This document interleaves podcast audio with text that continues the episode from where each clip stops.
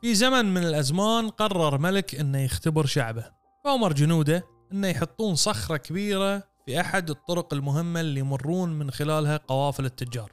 قال لهم خلنا نختبئ ورا الأشجار اللي موجودة قريب من هذا الطريق ونراقب هل في واحد راح يشيل هذه الصخرة. فابتدوا التجار يون كل واحد مع حمولته من بضايع وتشوفون هذا الحجر. فما يقدرون يطوفون فيتجنبونه ويعدون. الأول الثاني الثالث كل واحد يشوف هالحجر الكبير يتجاوزه بدون ما يشيله عن الطريق. إلى أن يا فلاح بسيط عنده شوية سلال من الخضرة حاطها على ظهره. لما وصل لهاي الصخرة الكبيرة حط حمولته على صوب وبدأ يدفع بقوة يحاول إنه يبعد هذه الصخرة. إلى أن قدر بعد جهد كبير طبعا. رجع الفلاح مرة ثانية للسلال شالها بيطوف مكان الصخرة فانتبه إنه في كيس محطوط في حفرة كانت الصخرة مغطية عليه.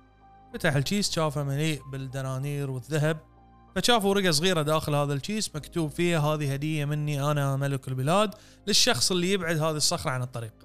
هي بالضبط نفس فكرة الشخص اللي يفكر في مشروع جديد مشروع مبتكر ويبدي يشاور اللي حواليه. إيش رأيكم في هالمشروع؟ فيقولوا له لو هذا المشروع ناجح كان غيرك سواه. التجار الكبار ما سووها. أنت راح تقدر غيرك آلاف فكروا وما سووا. انت راح تقدر.